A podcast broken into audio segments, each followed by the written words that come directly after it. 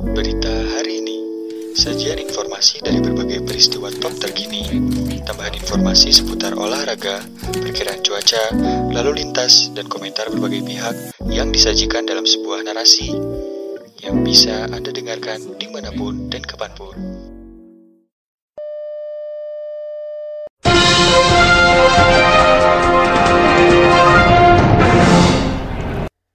Pemirsa berita hari ini datang dari dunia hukum kriminal.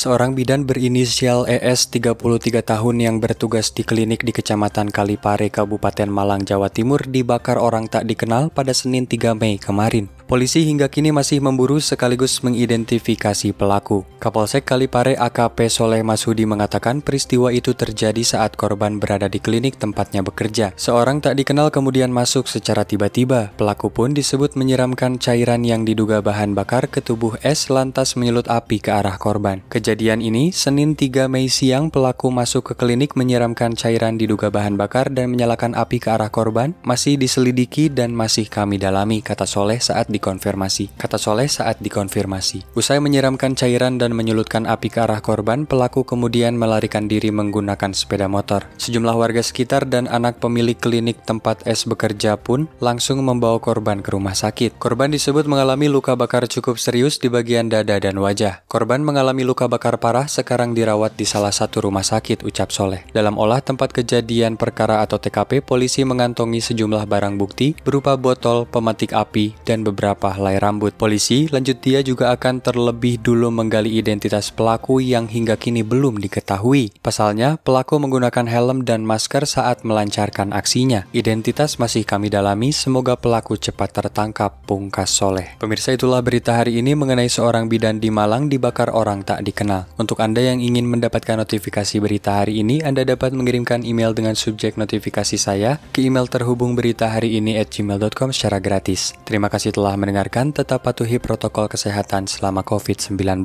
Saya Zaid pamit undur diri, sampai jumpa di berita-berita berikutnya.